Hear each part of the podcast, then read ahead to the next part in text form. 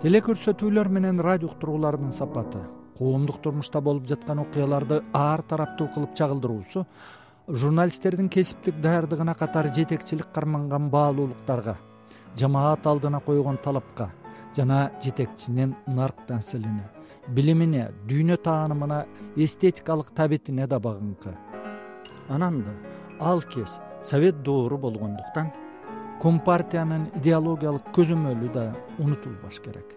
Бул жагдайда умтул орозова телекөрсөтүүлөрдү электен элеп бирок көркөмдүк деңгээлине зыян келтирбегенге тырышканын журналисттердин билим деңгээлине өзгөчө көңүл бурганын белгилейт айсулуу хамзамуллина сложность ее положения была то что она работала ал советтик мезгилде компартиянын борбордук комитетинин көрсөтмөсү астында иштеди. Телерадио мамлекеттин ээлигинде болгондуктан партиянын өкмөттүн саясатын идеологиялык мекеме катары чагылдырып турууга тийиш эле. Бул жагдай анын колун кыскартып жумушун татаалдаткан ага карабай умтул шейшеевна идеология менен көркөмдүк ортосунда балансты таап теле берүүлөрдүн көркөмдүк деңгээлине доо кетирбей сактады бул анын телевидение үчүн жасаган баа жеткис эмгеги деп эсептейм. Ал эфирде берүүнү ток шоуну жүргүзүп же интервью алып жаткан журналисттерге. Эмне үчүн коноктордун алдында биз сабатсыз көрүнөбүз? Эмнеге ага жетеленип калат дечү? Ооба журналист көрөрмандын деңгээлине түшүп кетпеши керек. Журналист көрөрмандан кеминде үч кадам бийик же акылдуу болушу керек. Аларга багыт көрсөтүп турушу лазым умтул шейшеевнанын жетекчи катары мыкты жактары мына ушунда. Ее были достоинства как руководителя.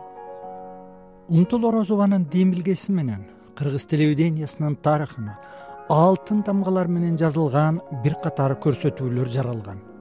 Сөз учугу молдосейит мамбетакуновдо умтул шейшеевна ошол учурда келген жаштардын баарын өзүнө чогултуп алчу да силерде жаңы кандай идея бар? деп биринчи сурачу анан экинчиден ошол киши өзү багыт берчү да мына бүгүнкү күндө дечү бизде пресс бар сыяктуу бир көрсөтүүлөр жетпей турат. Ошол жерге жаштар келип көйгөйүн айтса э, улуу муундар орто муундар кичүү муундардын бир жолугушуусу болсо бир тажрыйбаларын бири бирине берген болсо э, мына ушундай бир көрсөтүү ачпайсыңарбы деп улам түрткүлөп атып байма жапаровна сүйтөнова анан э, ронкин деген жакшы режиссерубуз бар болчу анан ушул журналисттер биригип туруп пресс бар деген бир сонун көрсөтүү ачканбыз да. Эми аны бүгүнкү күндө ачып атышпайбы жана ой ордо! Жана башка жанагы дагы бир э, көрсөтүүлөр кетип атат. Ошонун уңгулары ошол жана башында тургандар ушулар болчу да биринчи. Андан кийин болот макетаевди чакырып алып ал киши эмне направление берген багыт берген. Болот ушу адамдын тагдыры адамдын турмушу бул эсе эң башкы нерсе. Ушул өтө кызыктуу болот. Ушул э, ар кандай түркүн тагдырларды алып бир изилдөө жүргүзүп көрсөң ошонун турмушу эмне үчүн ушундай болуп калды. Эмне үчүн жакшы болбойт. Эмне керек ошол адамга жакшы болуп кетиш үчүн ушундай бир ар кандай бир тагдырларды бир көрүп ошолорду бир көрүүчүлөргө бир тартууласаң деп отуруп тагдыр деген көрсөтүү мыкты анан олжобайдын көз карашы. Мындай мындай көрсөтүү буга чейин такыр болгон эмес да. Мисалы үчүн бийликке болобу же болбосо ушу жетекчиге болобу. Же болбосо ошол бүгүнкү болуп аткан ишке болобу. Сын көз менен көз карашы аны айтуу деген такыр болгон чейин. Ал болмосо олжобайдын көз караш деген көрсөтүүсүндө мына ушундайлар башталды да.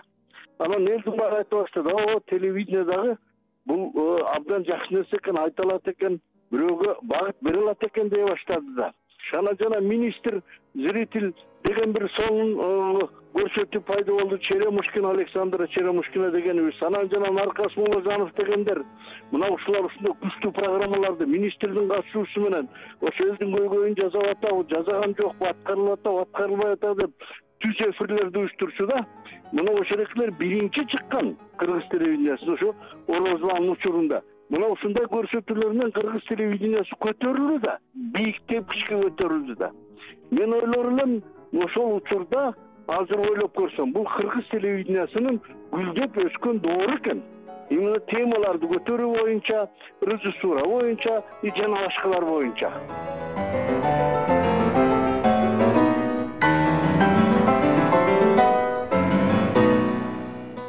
радио телепродукциянын көркөмдүк сапаты мазмуну үчүн күрөш күчтүү эркти темирдей нервти көркөм табитти талап кылат. Ошол эле учурда журналисттер менен режиссерлор жетекчинин аргументине макул болушу абзел. Бул албетте көп эмгекти талап кылат. Умтул орозова өтө жооптуу көрсөтүү болгондо жаңылсам уят болом дебей режиссердук пультка өзү отурганына токтолду тамара жаманбаева эже бул киши бобуреке бизде төрайым болуп иштеп жүргөн кезинде дагы өкмөттүк көрсөтүүлөргөчү биринчи республиканын биринчи адамдары эфирге чыкканда түз эфир болгондо сөзсүз түрдө пультка өзү отурчу. Анткени пультту абдан жакшы билчү. Андай жетекчи бизде болгон жок. Анан орозованын тушунда ушунда биз биринчи жолу борбордук телевиденияга көгүлтүр от деген аты менен голубой огонек деген көрсөтүүсү бар эмеспи? Борбордук телевидениянын бар эле да. Ошол көгүлтүр от деген көрсөтүү менен биринчи жолу линия менен москвага эфирге чыкканбыз. Анда бүт советтер союзу биздин көгүлтүр от деген программаны көргөн. Анан ошол жылдары бүткүл союздук фестивалга катышып обменный редакция деген редакция даярдачу эле таңшыгобуз деген көрсөтүүбүз э, эл аралык фестивалда биринчи орун эмес гран при алганбыз умтул орозова мыкты жетекчи экенине карабай. Аскар акаев президент шайлангандан көп узабай саясий жүйө менен кызматтан четтетилди. Ага карабай президент акаевди телеге тартканда режиссер катары умтул эже москвадан чакырылган учурлар болгонун ага түгөл телерадиону жетектөө сунуш кылынганын айтат айсулуу хамзамуллина. Но он отказалась потому что ей карт бланш не дали умтул шейшеевна менин оюмча кыргыз телерадиосуна кайра келсе телекөрсөтүүлөрдү өзү каалагандай деңгээлге чыгарганга эрки да билими да тажрыйбасы да жетмек. Бирок кыраагы киши аскар акаевдин кадрларга жасаган жеңил желпи мамилесин көрүп бир кечкен дайрасын экинчи жолу кечкиси келген эмес. Себеби умтул эже өтө намыскөй өз баасын билген өз принциптерин бекем туткан инсан болгон деп ойлойм. Анан ушунчалык намыскөй киши болчу ошону жумуштан алып койгон күндө дагы кыңк этип бирөөгө арызданып доогун артып же дагы бирдеме деп ушинткөнүн такыр уккан эмеспиз.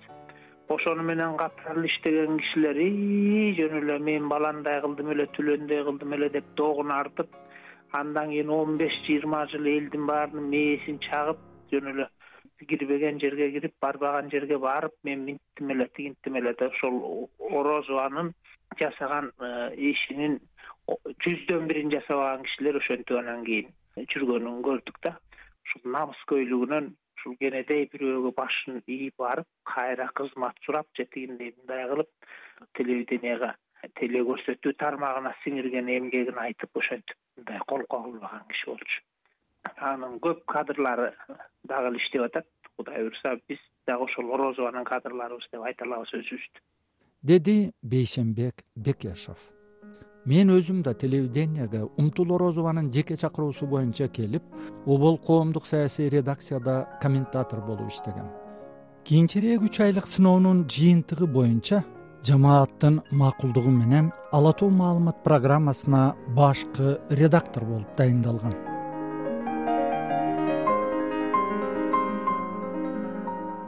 умтул орозова эже ажарлуу да көргөн адамдардын көз жоосун алган сулуу да аял эле. Ал киши жөө академия науктун алдынан өтчү да жөө басып эртең менен жумушка. Ошондо ошонун келбетин фигурасын басканын көрүш үчүн академиядагы бир топ окумуштуу эркектер карап турчу ошол академиянын алдынан өтүп кеткенге чейин. Муну мен өзүм күбө болгом бирөөлөр айтканда мен ишенген эмесмин карасам чынында эле ошондой экен да. Бул абдан сындуу аял болчу да молдосейит мамбетакуновдун бул сөзүн акын аткаруучу илимпоз медик анес зарифян да кубаттады. Увидев эту женщину хотя бы один раз бул кишини бир көргөн адам эсинен чыгарчу эмес. Себеби жараткан ага сулуулук да акыл да жатык тил да берген экен. Ошон үчүн аны менен баарлашуудан киши лаззат гана алчу. Теле берүү тармагында иштеген адамдардан билем орозованы көрөнгөлүү кызыктуу даанышман чыгармачыл жетекчи катары айтышчу. Мындай сапаттар бир адамда сейрек кездешет. Ал ажарлуу келбеттүү бир көргөндө эле кишиде ишенич жараткан инсан эле. Көгүлтүр экранга тиешеси бар адамдарда сөзсүз өзгөчө инсандык сапат болушу керек. Аны бир көргөн адам унутпашы керек. Бул эрежеге орозова толук жооп берчү деп ойлойм. Вполне соответствовала э, этому правилу кыргыз маданиятына эмгек сиңирген ишмер абды сатаров. Биздин улуттук деңгээлде эгерде салыштырып көрсөк өзүнүн көркөмдүүлүгү жагынан сулуулугу жагынан мына биздин мыкты таланттуу актрисабыз бакен кызикеева таттыбү турсунбаев сыяктуу сулуу көркөм э, бир кыргыздын эң чырайлуу аял затынан болгон да. Десе узак жылдар кыргыз телевидениясинде инженердик жетекчи кызматтарда иштеген георгий дуда умтул орозова жөнүндө мындай деди. Хочу сказать что это была очень красивая обаятельная умтул шейшеевна аябай сулуу үчүлөрү келбеттүү ажардуу жүзүнүн күлкүсү жайнаган оюн таптак айта билген аял эле. Ошол эле учурда ак санатай адам болчу. Татаал жагдайда да калыбын жазбай тегиз жүрчү. Аны менен иштешүү жеңил эле себеби ал иш үчүн жанып күйүп турчу. Өмүрүнүн соңку жылдары экөөбүз баарлашып жүрдүк. Биз жашоо жөнүндө сүйлөшкөндө георгий мен күйөөгө чыкпадым. Себеби мен телевидение жана радиого күйөөгө чыккан элем деди. Замужем я была за телевидением и радио.